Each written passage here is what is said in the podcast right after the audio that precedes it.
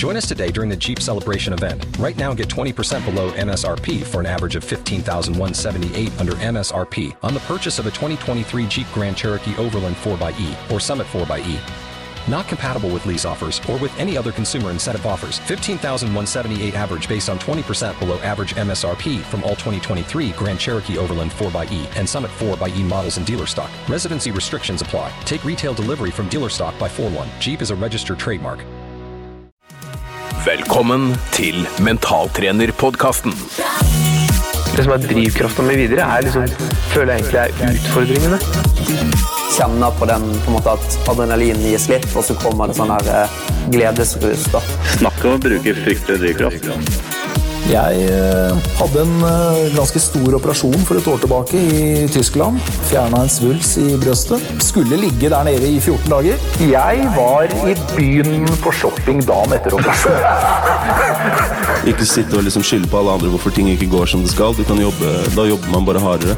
Og her er din vert, mentaltrener Frank Nilsen.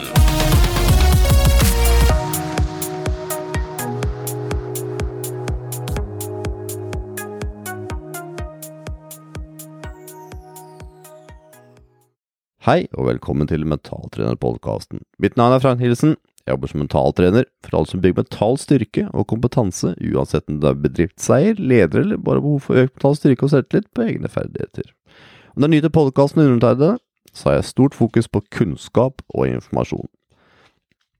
Jeg tror at hver enkelt person, uavhengig av deres bakgrunn, kan oppnå stor suksess gitt de riktige tankene og teknikkene, og det er det som er årsaken til at jeg både produserer Mentaltrenerpodkasten, som du hører på nå, og Ekstrempodden. Det er for å få fram historien til mennesker som beviser akkurat det her. I tillegg til å jobbe som fulltids mentaltrener, så leder jeg og produserer også en podkast som heter Ekstrempodden, der du ukentlig kan høre intervju med ekstremutøvere i den alfa triatlon til MMA. I siste episode av Ekstrempodden som jeg anbefaler å sjekke ut på iTunes eller på Spotify eller din podcast-app, så pratet jeg med Øyunn Bygstad. Hun hadde utfordringer, hun hadde noen psykiske utfordringer. Så hun fant ut at hm, løpe, det gjorde at du følte seg mye bedre. Så hun har på en måte løpt både Bislett 24, Bislett 48 timer, og nå i sommer så var hun den første norske kvinne som fullførte et ekstremløp på hele 400 km på fem dager. Hun er utrolig inspirerende og helt fantastisk å høre på. Og høre at hun på en måte opplevde å se rulletrapper midt i skogen. Det finnes verre følelser enn å ha hovent bein fordi du har fått en infeksjon. Og ikke bare det, også nesten har tilgang til skyttergravføtter fordi du har løpt i myr i fire dager. Det er jo helt rå, og det er utrolig morsomt å høre hvordan du på en måte brukte motgangen i livet til å finne sin passion i livet, som er nå løping. Anbefaler å sjekke ut den på Ekstrempodden. For blogginnlegg eller flere episoder av Mentale teknikker, besøk mtfranknilsen.no. Og vil du sjekke ut uh, mental trening så, og bor i bergensområdet, så er jeg i Bergen den 13. september. Da har jeg to timer ledig, så ta kontakt med meg på e-post, og det er post at mtfranknilsen.no. Du kan som sagt finne både Mentaltrenerpodkasten og Ekstrempod på Spotify. Jeg anbefaler å trykke abonner på din podcast-app, så får du episoden automatisk rett inn på din telefon eller medium du bruker. Liker du dagens episode, gi den gjerne femstjerners på iTunes. Og til dere som kontakter meg, tusen takk for alle inspirerende historier, og ikke minst alle forslag til episoder. Og dagens episode, grunnen til at jeg hører den, det er fra tips fra en lytter. Nå over til dagens episode. Dagens episode handler om noe jeg syns er utrolig viktig, og som er lite fokus på når det gjelder mental trening, og det er kunnskap. Jo mer kunnskap vi innehar, desto bedre grunnlag har vi for å gjøre gode valg. Det er årsaken til at jeg har valgt å ta opp dagens tema som ble tipsa. Og dagens gjest, han har hele 50 amerikanske patenter eh, til sitt navn, og 200 patenter over hele verden. I tillegg har han skrevet mer enn 250 vitenskapelige publikasjoner og 20 bokkapitler. Dagens mann vet hva han snakker om. og han vi skal høre om i dag, han heter Steven Berlack. Han er eh, veldig god på noe som heter eh, regenerativ medisin.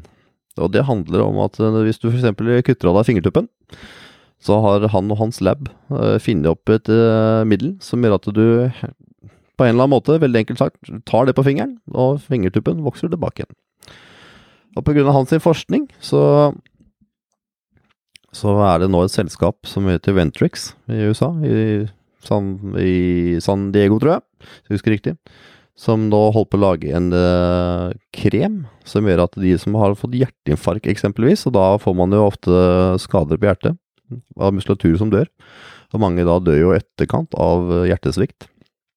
Det de da gjør ut fra den forskninga her, det er at uh, den muskulaturen klarer å gro tilbake igjen. Så vi snakker om, vi snakker om det, vi snakker om stamceller, vi snakker om ja, det med å regenerere muskulatur. Det har vært en studie som var gjennomført på 13 forskjellige mennesker. Så han opplevde alt fra veibomber i Forsvaret til trafikkulykker og andre typer ting. Var 30-35% klarte de å få til gro tilbake igjen, og hele, noen hadde hele over 300 eh, improvement, forbredelse. Vi snakker også om hvor viktig det er med eh, fysisk trening, 24-48 timer etter en ulykke. Kreft og mye mye mer. Er utrolig informativ samtale. Han var flink til å formidle eh, kunnskap også. Til tider kan det kanskje være at man må spise litt ørne for å få med seg alt, men eh, jeg koser meg virkelig, så jeg håper du også får nytte av å kose deg med dagens episode. Så tusen takk for at du lytter, og god lytting. Stephen, can you please uh, can you please uh, tell the listeners of uh, how you came into how you came into this uh, profession before we get into Matrix and what you're actually doing? That's an interesting question because the um, the the field of tissue engineering and regenerative medicine didn't even exist uh, 30 years ago. It just uh, matter of fact that the the term tissue engineering was coined at a meeting. I think it was in 1987. And then uh, regenerative, the uh, addition of the words regenerative medicine didn't occur until about 2000 when uh, stem cells became uh, very, it was obvious that stem cells were going to play a big role in, um, in uh, any sort of new tissues that would be created. Um, so the, the field sort of grew up around what I happened to be doing at the time. And I was just starting out myself pretty much. So I, I um, and frankly, um, I, I'm I got lucky. Uh, we were doing a particular experiment where we were trying to um, look for a way to treat patients with heart failure by by redirecting their their blood and having uh, the the skeletal muscle uh, pump in it to help the heart muscle. And uh, then we started learning that uh, the the tissues were changing and the materials that we were using for the for the tubing which were natural tissues um, could actually morph or change into uh, blood vessel like tissue so we started asking questions how is this happening and it fell right in line with tissue engineering so sometimes it's better to be lucky than good you just uh, right place at the right time but what is uh, what is Matrix? I'm, uh, I've seen some of your uh, lectures on Yeah. uh, online. I'm, I'm still curious. What is it? Right. So, so uh, the easiest uh, way to think about the um, extracellular matrix is, uh, and every single tissue in our body uh, is is composed of cells, different types of cells, skin cells, heart cells, whatever.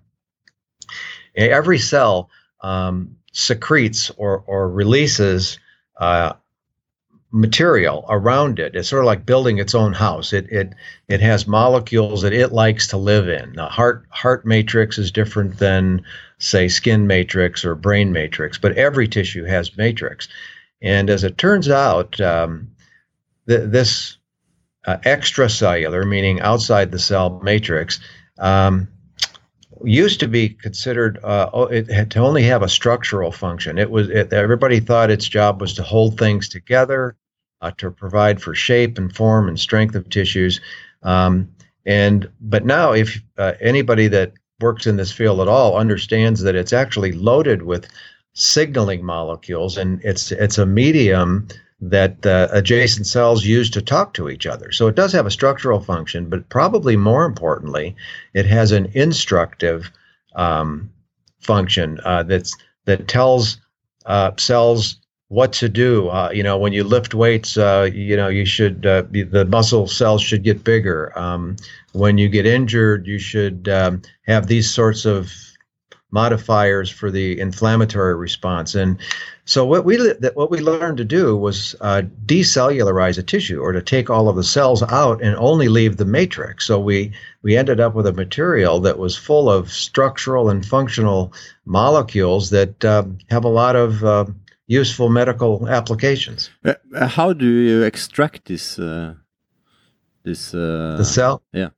So, so uh, I believe you asked me how we um, remove the cells from tissues. Yes. And every single uh, tissue has a different recipe that we use uh, to decellularize uh, the the tissue, and the reason is because they're they're so different. The the dermis, which is right underneath the outer layer of your skin, is very tough and dense tissue, whereas the small intestine is totally different. So we use a combination of chemicals and enzymes and rinses uh, that that assure the removal of all of the, the, the broken cells and cell remnants because we basically lyse or just or break the cells and then rinse out er- all of their the cell debris.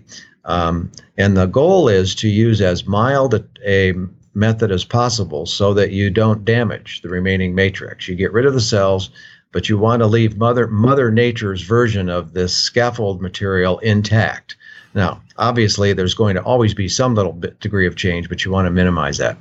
So how does this cooperate to, for example, stem cells?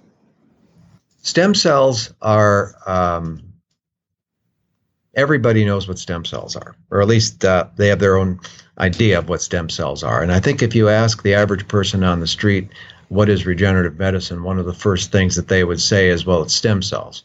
And um, I I think it's fair to say that probably seventy percent at least of the people who are working in the field um, are working from a cell-based approach, stem cells. They're trying to get stem cells to turn into whatever tissue they're interested in, heart muscle or skin or whatever. Um, and uh, this is kind of interesting because uh, even though there's a terrific biology behind stem cells, we now understand how important they are in normal tissue development and, and replacing tissues. Um, uh, th- they have really not fulfilled the promise yet in terms of therapy. Uh, there's a website called clinicaltrials.gov, and uh, it it lists all the registered uh, clinical trials uh, are out there for all different applications. And if you type in um, stem cells and, clin- and clinical trials, you get about uh, 2,800 different registered clinical trials. Now that is an incredible number of of stem cell trials going on. And this has been going on now for some time. So if you think of the manpower and the dollars and the patience and resources that have gone into that, it's uh, it's remarkable.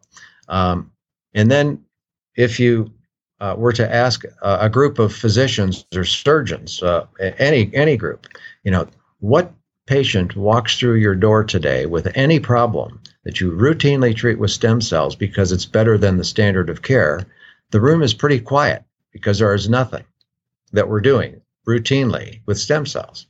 And that doesn't mean that they're not going to work. What it means is we haven't figured it out yet. Uh, we've learned a lot about stem cell biology, but uh, there, there's uh, there are now we understand some of the reasons uh, for this, and and probably the main reason is that we we take a, a, a beautiful stem cell and we harvest it from the body. We can get them from blood or adipose fat tissue or other sources, umbilical cord, and then we manipulate them and purify them and try to expand them in culture so we have enough to work with. And then we have to store them, and then we have to inject the, uh, uh, inject them back into a patient into some area where there's a problem. Well, maybe it's into a scar in the heart from a heart attack. Uh, and and so we put them in an abnormal environment, and then we expect them or hope that they will turn into a functioning heart tissue. By all that manipulation and and the abnormal environment, it's really not surprising at all that uh, most of the cells die very quickly, uh, and there there are some effects that are have been measured, but they're more likely the effects of uh, on adjacent cells and not the stem cells themselves that that become new new tissue. So um, that that you know, in hindsight, you look and you say, "Oh, well, I guess we should have probably predicted that." But uh, sometimes you have to you have to do things to find out that they're not going to work. But how how did you uh, find out that you could uh, grow uh, human body parts back, like uh, fingertips and so on? Yeah. So so uh, if we think about what I just mentioned in terms of the uh, environment into which we put these cells, if the extracellular matrix represents the mother nature's version of an ideal microenvironment and we're able to preserve it and it's loaded with signals what we have found is that when when you take the matrix alone and you implant it into the body uh, in let's say you put it into muscle where there's a muscle uh, defect the, the body begins to interact with the matrix it breaks it down and then it releases all of these signals. Now, so some of these signals are actually recruit uh, endogenous stem cells. Endogenous, by that I mean the stem cells that are in lo- in local tissues and maybe some that are in the circulation, and they uh, so so it's like a homing device, and really that's that kind of makes sense because Mother Nature probably has lots of different ways of activating these cells when they're needed. And some of those ways reside within the extracellular matrix. So by placing a matrix there, you're actually now avoiding all of the steps in harvesting these cells and manipulating them and re-injecting them. You're just calling them to the site. So we know that this happens. And now you have cells coming into a site with a much more friendly environment. And as long as the other uh, factors within that tissue are are normal. You know, for example, it's a muscle that's expected to contract and lift weights or do whatever. Um, those cells get the appropriate signals and say, okay, this is what I'm supposed to turn into. So now we didn't know that ahead of time. Uh, you know, I, I'd have said if we could have predicted that and tested it and found that it worked, I'd say, boy, we're pretty smart. But again, we're just lucky. We saw these things happen, and uh, we fi- we have figured it out after the fact. So uh, Mother Nature is much smarter than we are, and we're just trying to catch up a little bit. Uh, so, if I understand correctly from uh, what I'm seeing on YouTube, uh, at least, is that uh, if you have lost 60 percent of a muscle, for example, you can grow that back again? Yes, we published a paper uh, about it a year and a half ago on the first 13 patients um, that uh, had a condition that's called volumetric muscle loss. Uh, and what that means is that muscle, our muscle tissue has a small degree of ability to regenerate all the time. We get injured all the time. We get bruises, we bumps, we over, you know, we run too far or whatever. Uh, and we don't even know it, and we don't end up with scars all over. So the muscle can regenerate a little bit, but if you have a, tra- a, a traumatic injury, you know, like um, a car accident, or or you're a soldier, you know, and a roadside bomb goes off, you lose big pieces of muscle that the body cannot uh, compensate for, you end up with a huge defect and scarring. So uh, that's volumetric muscle loss. So we took 13 patients who had failed every attempt to try to help them. Um, they had uh, all sorts of surgeries to try to move muscles from one part to another, to grow muscles, to physical therapy, all these things. And um, they failed all of them. And most of these patients were ready to amputate their limb because they just could not use them. They, and they, they were really struggling.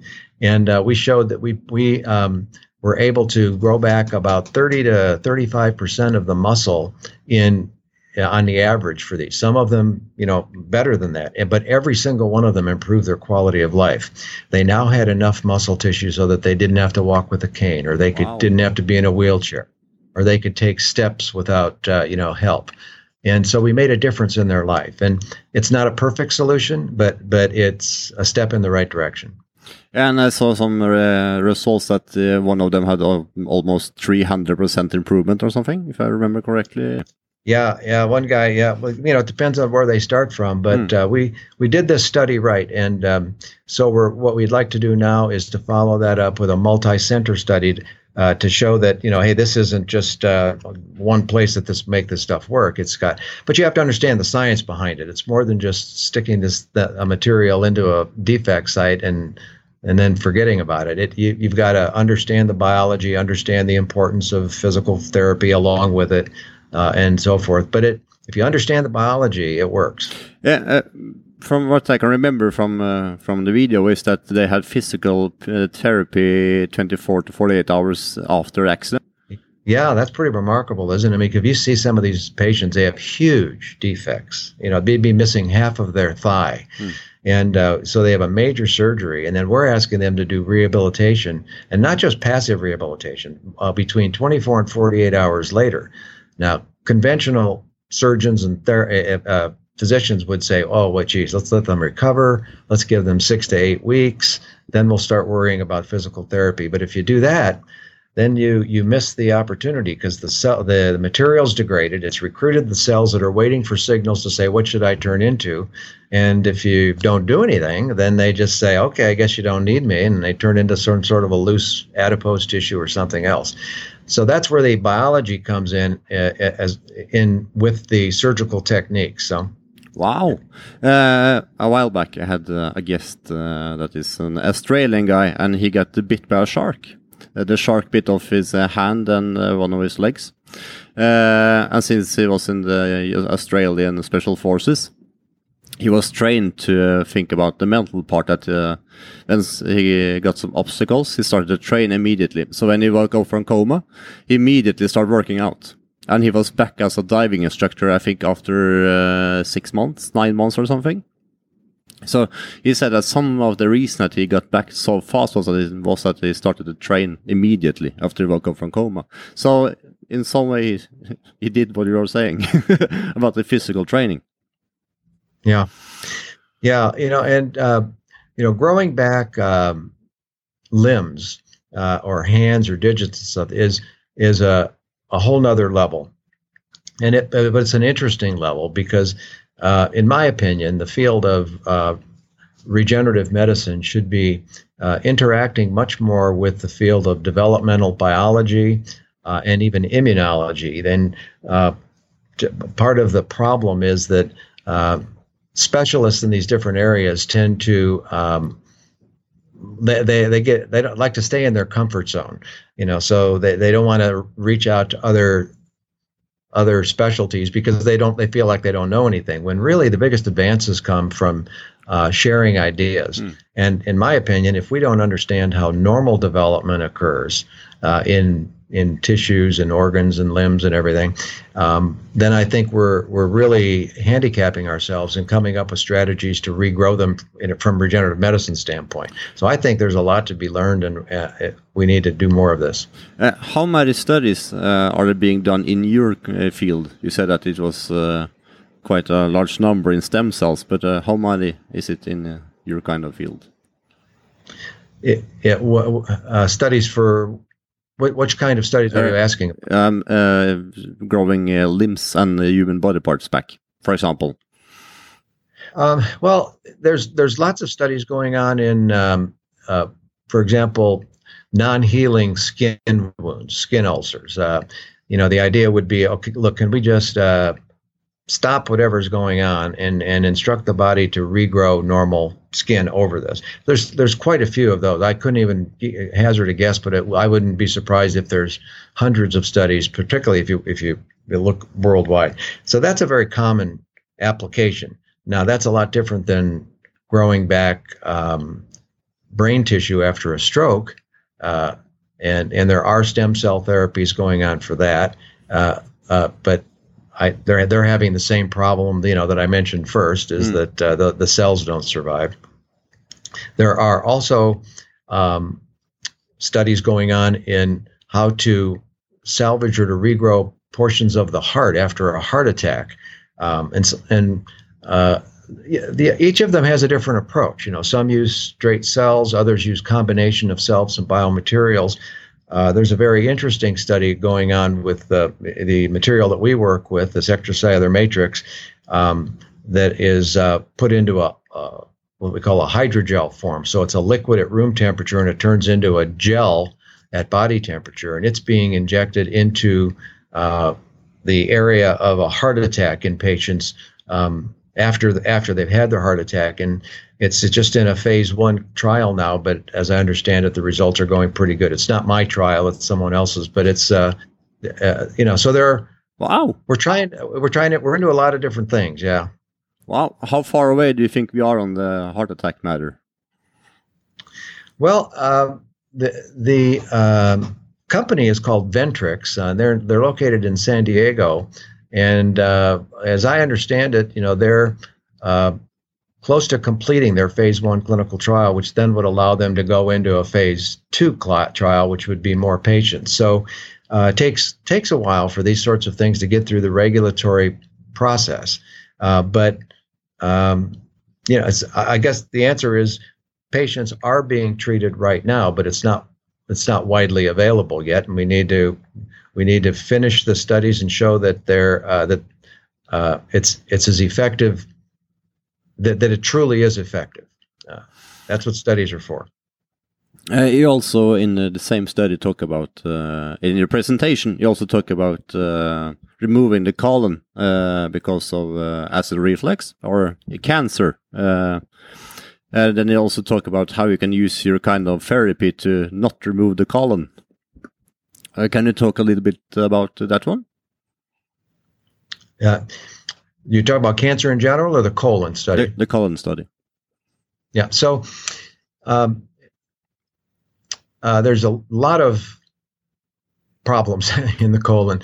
Uh, uh, not just cancer, but uh, probably more prevalent is uh, uh, what's called inflammatory bowel disease and ulcerative colitis and, and Crohn's disease are two devastating problems that we really we have made very little progress on in the treatment for for 30 or 40 years. In fact, we're fundamentally doing the same things now that we did before, just a few different drugs and a couple of other things. But uh, we've not we've not done anything to really cure the cure the problem. So uh, we talked about one thing that these uh, extracellular matrices do in recruiting stem cells. There's something else I think is equally or maybe even more important that we've learned, and that is that there are signaling molecules in in these materials that um, interact with the immune system. The, our immune system is what's responsible for um, fighting off bugs and inflammation and, and healing wounds and such afterwards. Uh, so we need it, but uh, it's got we've got to be able to turn it off. You know, it's supposed to do its job, stop, and then let you know go back to normal. And if you can't go back to normal, at least leave a scar there to hold things together. Now, in, in conditions like inflammatory bowel disease, for whatever reason, the inflammation doesn't turn off. Uh, it just continues. And when, when we learned that one that that the matrix has signaling molecules that actually can turn off uh, or at least suppress the inflammatory response, um, we we have begun investigating its use in in um, conditions like ulcerative colitis. So we haven't done this in people yet, but our animal studies are actually quite quite promising uh, because uh, again, I mentioned that we could form a hydrogel out of this material, a liquid that that then turns into a gel.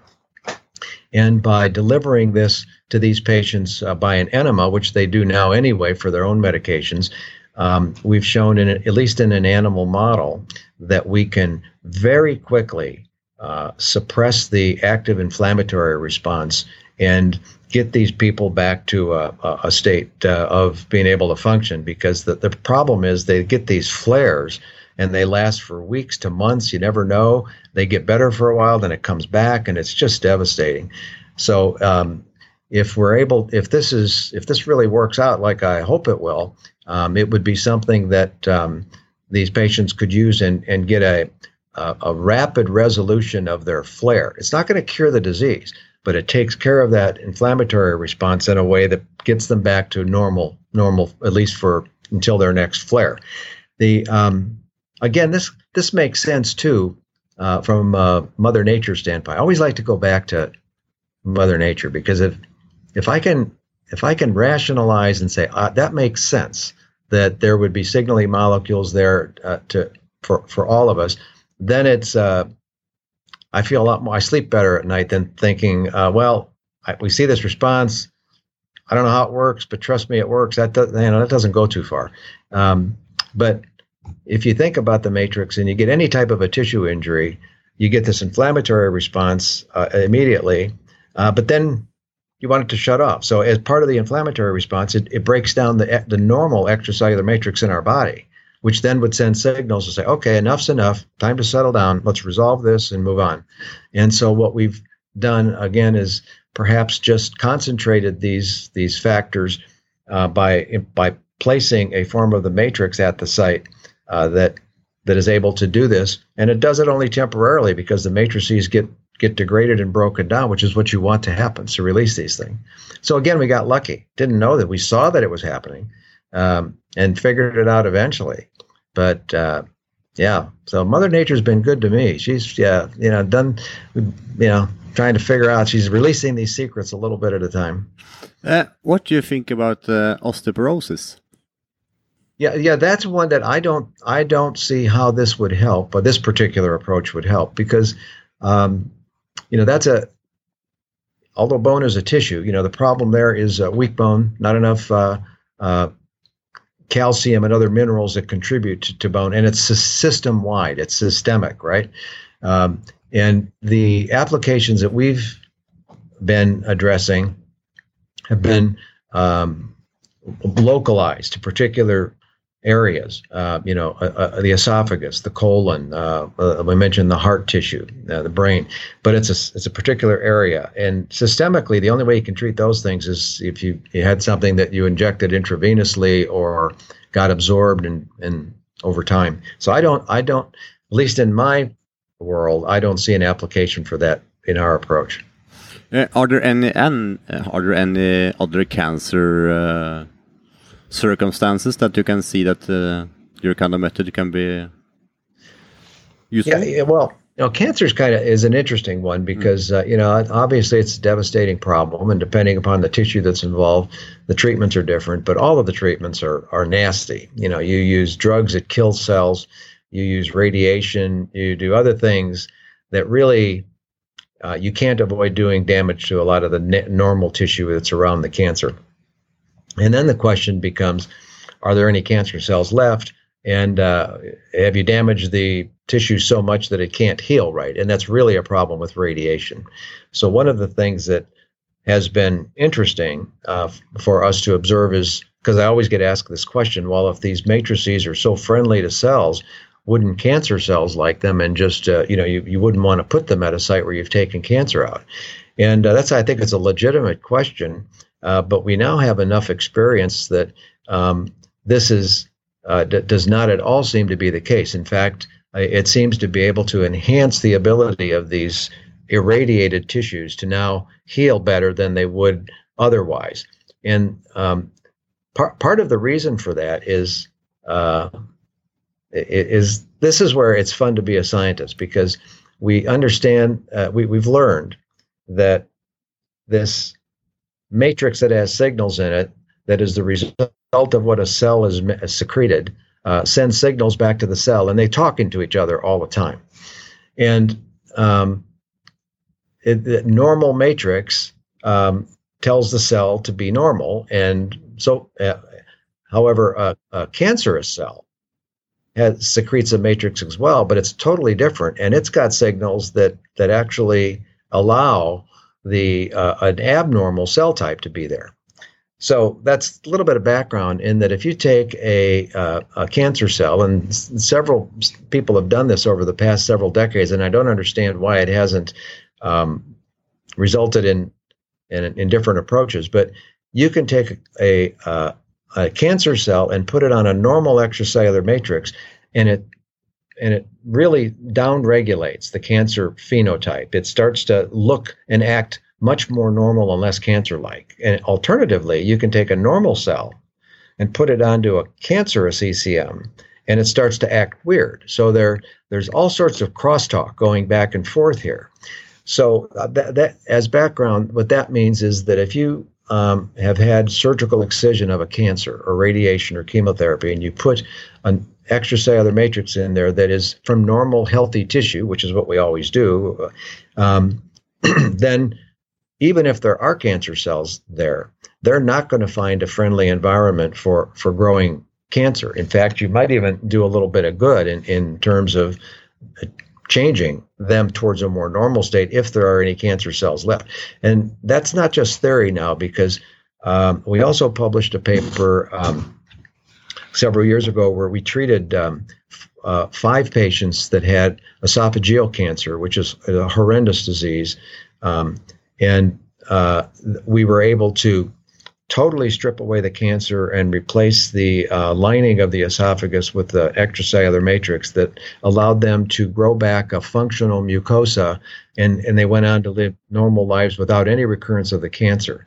Uh, we've done this in more than a dozen patients now, and they are uh, seven to eight years out. So we, f- I feel very comfortable in the statement that uh, you can use this material in a, an area of cancer and uh, say use it safely. Is it possible? Obviously, for twelve uh, persons, it's possible. But is it possible for normal people to get this kind of treatment? Yeah, for, for obviously for for the depending upon the the problem that they have, Hmm. they um, they're gonna right now since some of these things are not widely available, they're gonna have to do a little searching. But but it is available. But but the people who are doing that um, are actually uh, looking for patients, you know, to to get these to the next stage. So, for example, you know the the heart application, you know, they're screening patients. They've got criteria so that, that they could use, and then um, you know the, you can yeah, get in touch with the, the right people uh, by Searching. By looking that one up online. The esophageal and the muscle stuff, for example. Um, you know, we we uh, get in. I get inquiries almost every day, and we um, send them to the the doctors or the places where we know they're using th- these sorts of therapies. There aren't many of them right now, so uh, we got to do a little work, unfortunately, right now. But that's just you know, hopefully, eventually, it will be much more widely available. Uh, this is going to be a uh, maybe a stupid question, but since I'm not a scientist, I'm going to ask anyway. Uh, it's a new method called uh, CRISPR. Uh, is it possible to use uh, CRISPR together with uh, your kind of uh, treatment? Right. Well, well, CRISPR is used to modify the genetic, the expression of the genetic code, um, and so that right right away we're that's a cell-based approach, Okay. and um, it's an it's an incredibly powerful tool that's been developed uh, to and, very specific. You can target a in, a a particular site on the genome, and you know now that the human genome has been sequenced uh, you can say, okay, I know that your particular problem is with this particular gene. You could go in and change that. And, you know, the, so there's obviously a lot of studies and applications of this going on now. The, the concern is that uh, you it, are you making a change in the genetic code that could be heritable? By that I mean, could it be transferred to the next generation and the next generation and so forth? And what what are the uh, possible consequences of that? And it's a it's a legitimate and I think very serious concern. We we cannot jump into just using CRISPR technology to to treat any patient until we truly understand the the potential ramifications of it. Uh, you know, that being said, uh, it has the potential to uh, really make a difference in the lives of patients who have known genetic defects that give that for problems like muscular dystrophy or cystic fibrosis or uh, other uh, known genetic abnormalities. Uh, it's it's it's exciting, and and really CRISPR is now being exciting time to be in uh, biology and, molecular biology right now. Uh, when it uh, comes to growing uh, growing limbs back, uh, I'm still I'm still curious. Uh, maybe I'm just just not understanding it. But what? Um, how is this? That's a question. How is it possible that, uh, for example, our liver can uh, grow back, but uh, our kidneys can't do it? Do we know why? Yeah, th- this is, uh, I think, one of the more fascinating things about regenerative medicine and why I uh, earlier had said I think we have a lot to learn from developmental biologists. There are um, some species, like the salamander, that, that can grow back almost any body part. You can chop a limb off, you know, and six to eight weeks later, it's growing a new limb exactly the same as, and you do it again and again. Uh, you can take part of their heart, even part of their, you know, almost any tissue and organ. And uh, there's variations on that theme all the way up to uh, people uh, who have, we have a, a, a, couple of organs that can regenerate. You mentioned one, the liver. Um, it's a, it's a probably the most regenerative organ in the body. Uh, the bone marrow constantly regenerates and turns over all of the cells that contribute to the blood. The outer layers of the skin regenerate all the time. Same thing with the lining of the intestine. Bone bone does a little bit, but the rest of our tissues don't. And the question is why? You know, how through evolution did we change uh, to, um, and why did we change? And um, one of the theories is that at some at about 16 to 18 weeks of gestation in a human, uh, our immune system develops. And it's at the same time that we lose a lot of this regenerative capacity. And there appears to be a, a very uh, close relationship between uh, uh, the development of our immune system, which allows us to respond to challenges and injuries and so forth by forming scar tissue. And I think it probably has something to do with survival. You know, we developed mechanisms for surviving these types of injuries, but we did it at the expense of regenerating the tissue. And so the real question is, and and you can do this as a fetus uh, uh, uh, before before that time. So the genetic information is still there. So the intriguing question is if we could understand how to turn those genes back on or suppress the ones that are keeping us from doing it, would it be possible to at least temporarily and maybe locally revisit our, our development, our embryologic development? I think it's one of the more uh, interesting questions uh, for the field of regenerative medicine. But um, it and we're developing the tools to understand it now with the whole genome thing and understanding you know what genes are turned on and off and so forth. That's fun. Uh, what is it that you find so interesting about this, uh, Stephen? I think I've got you know one of the best jobs in the world. I love coming into work every day. I love I'm surrounded by really smart people. We've got all this terrific stuff we've been talking about going on in other fields, uh, in genomics and molecular biology and developmental biology and immunology, and um, it's a chance to to to bring these things together. So uh, I, think it, it's a matter of it, it's you know some people are just they they get very excited about um, uh, the frontier. You know, mixed trying things that before were thought to be impossible, and in many ways, that's what we're we're doing. Um, you know, we uh, never before, you know, thought we we would uh, have skin in a bottle. We now grow skin in a bottle, uh, you know, and that's used therapeutically. Uh, we, have got uh, these stem cells that we can change, uh, manipulate their genome on. I, I think it's a terrifically exciting time. However, that being said, I think we've been at this now about 25 years in regenerative medicine, and um, you know there are certain things that the original approaches that uh, I think have very limited clinical ap- uh, potential. Um, I don't think we can grow uh, organs in a bottle uh, or uh, and put them on a shelf, uh, at least not for very many tissues. Um, and we have to learn how to to use the body as the bioreactor. In other words, do things in the patient, let the patient uh, regrow. So we have to revisit our, our thinking. Um, you know, how what are the true limitations of stem cell therapy, or what are, what do we have to do differently? You know, what sort of molecules can we deliver that that make a difference? Because no single molecule, the body doesn't work that way. It always has a bunch of different things working together. So how do we how do we manage that uh, landscape? Um, what sort of biomaterials can you put in that aren't going to cause a problem? Uh, we need to really go back, I think, to the drawing board on a couple of those and mix them with these new ideas that we've been talking about. It's time. What do you think is the largest obstacle? Ob- or biggest obstacle? Uh, you know, uh, frankly, I think um, the the uh, one of the biggest obstacles is um, not the science. It's actually the other things it takes to uh, translate discovery to patient care. Um, because we can, you know, we, we can get some pretty good results and, and, and not, we're not alone. I mean, there's a lot of, a lot of people around the world that have very promising technologies.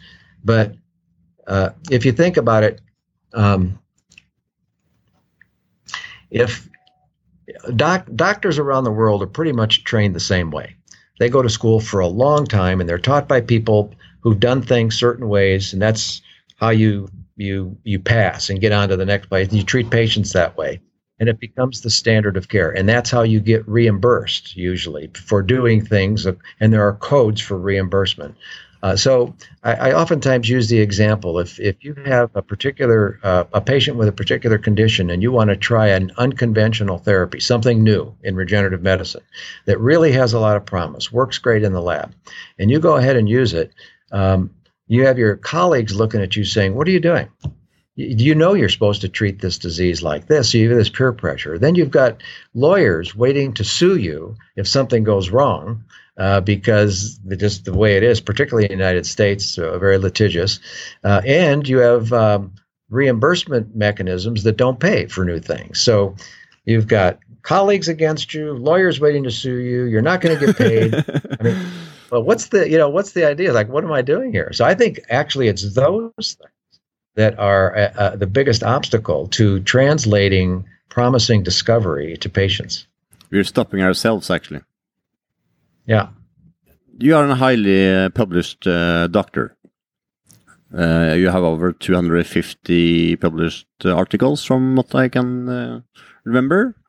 What was the first uh, publications? Do you remember? Yeah, I remember. I'm curious about where you started. If you can remember yeah. what your first publications was. Yeah, well, my training's a little bit different. I um, I, I was I, I was a first a veterinarian. I, okay. I practiced veterinary veterinary medicine, uh, and then went back to school and uh, and got a, uh, a, doctorate degree in pathology. Uh, and then after that, then went to medical school. Uh, so I was like, you know, like you know, okay, how many, how much punishment can I take, right? So, um, so my thinking was was a little different, and I always knew that I was interested in the in the uh, whys and can we change things. And then with that training, though, I developed a, a um, an understanding of comparative uh, pathology, if you will. You know, okay, uh, humans get this particular disease, but here's a couple species that get something, and so I start to think like that. And so, uh, you know, my some of my first publications dealt with um, uh, this, this these types of comparative um, events, uh, but they were mainly from the veterinary uh, perspective because that's where I, where I started.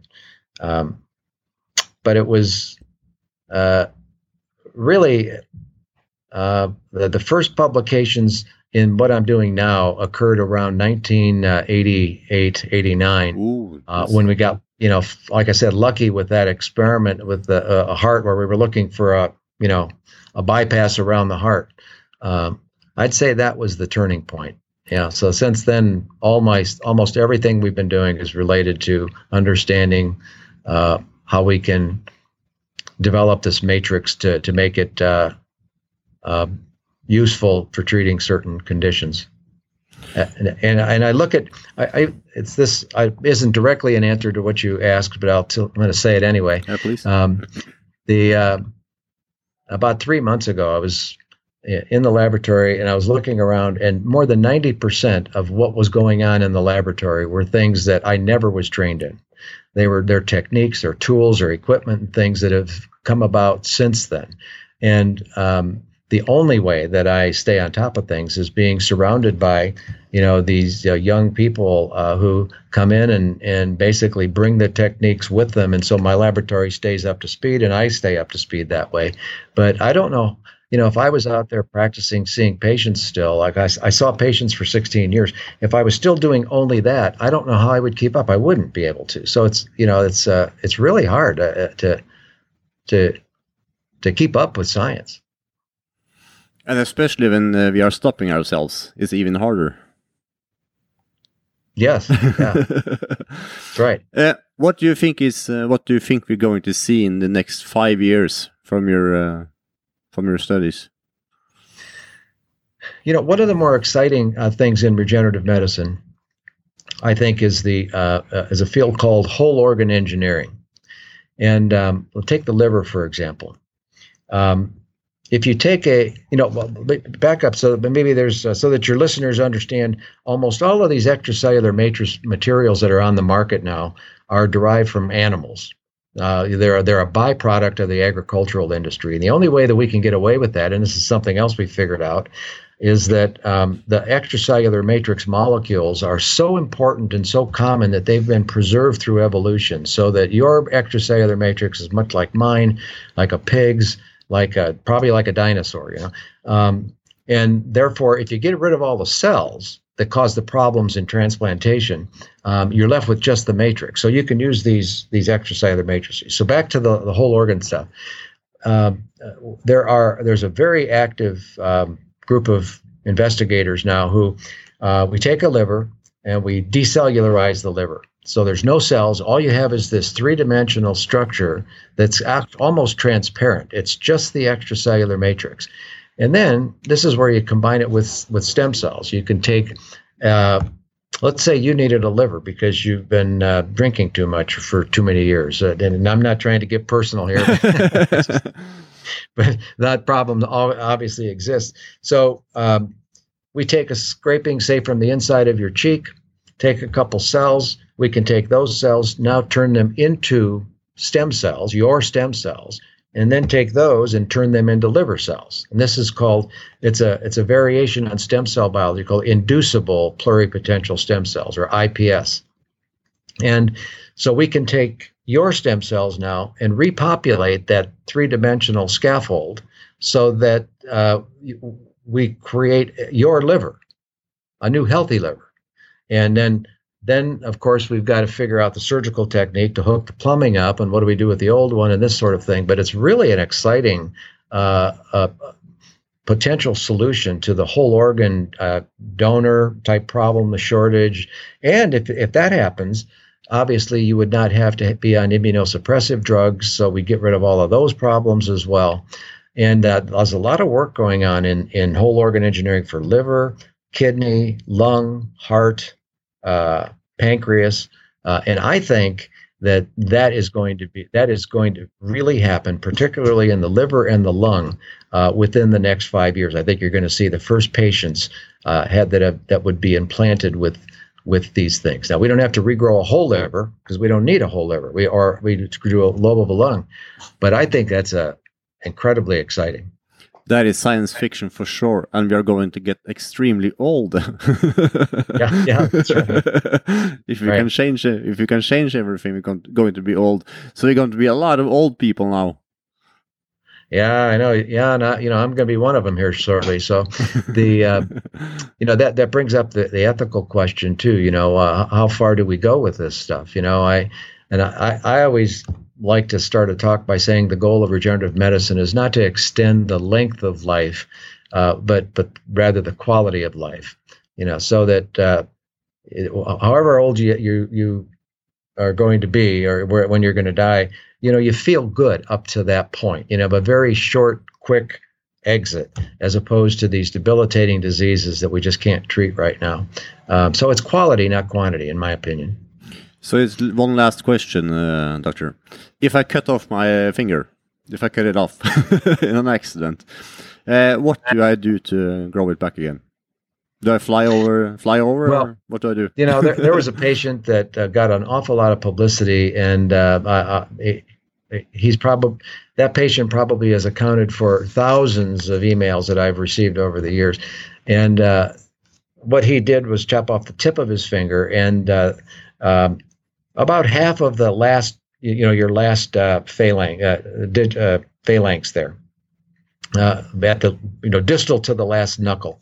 Um, and it basically grew, it grew back. He treated it with this material because he was related to somebody who worked in the lab and got his hands on some material. And uh, I had no idea bastard. about it. Yeah.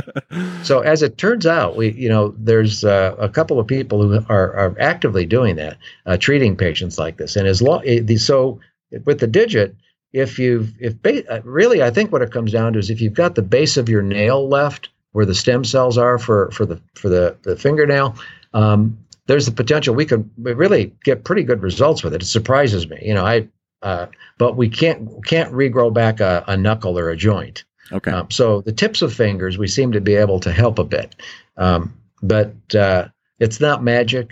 Uh, it's not pixie dust, as people like say. It, it's there's really some science behind it. We talked about some of the things that would happen there, and it sort of makes sense.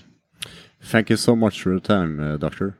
And uh, it So you're welcome. It was welcome. Uh, it was truly uh, informative, and uh, I think we're living very in uh, uh, in a time that everything is happening so fast. So uh, Yeah. I'm curious to see where, where we are in five years and how old Yeah. we're going to be. So uh, Yeah, you don't you don't ever want to need what I do for a living. that is for sure. Okay. Thank you so Good. much for your time, Doctor. You're welcome. Yeah. You have a good evening. Yeah, you too. Bye bye. Everybody in your crew identifies as either Big Mac Burger, McNuggets, or McCrispy Sandwich. But you're the filet fish Sandwich all day. That crispy fish, that savory tartar sauce, that melty cheese, that pillowy bun. Yeah, you get it. Every time. And if you love the filet of fish, right now you can catch two of the classics you love for just $6. Limited time only. Price and participation may vary. Cannot be combined with any other offer. Single item at regular price. Ba-da-ba-ba-ba.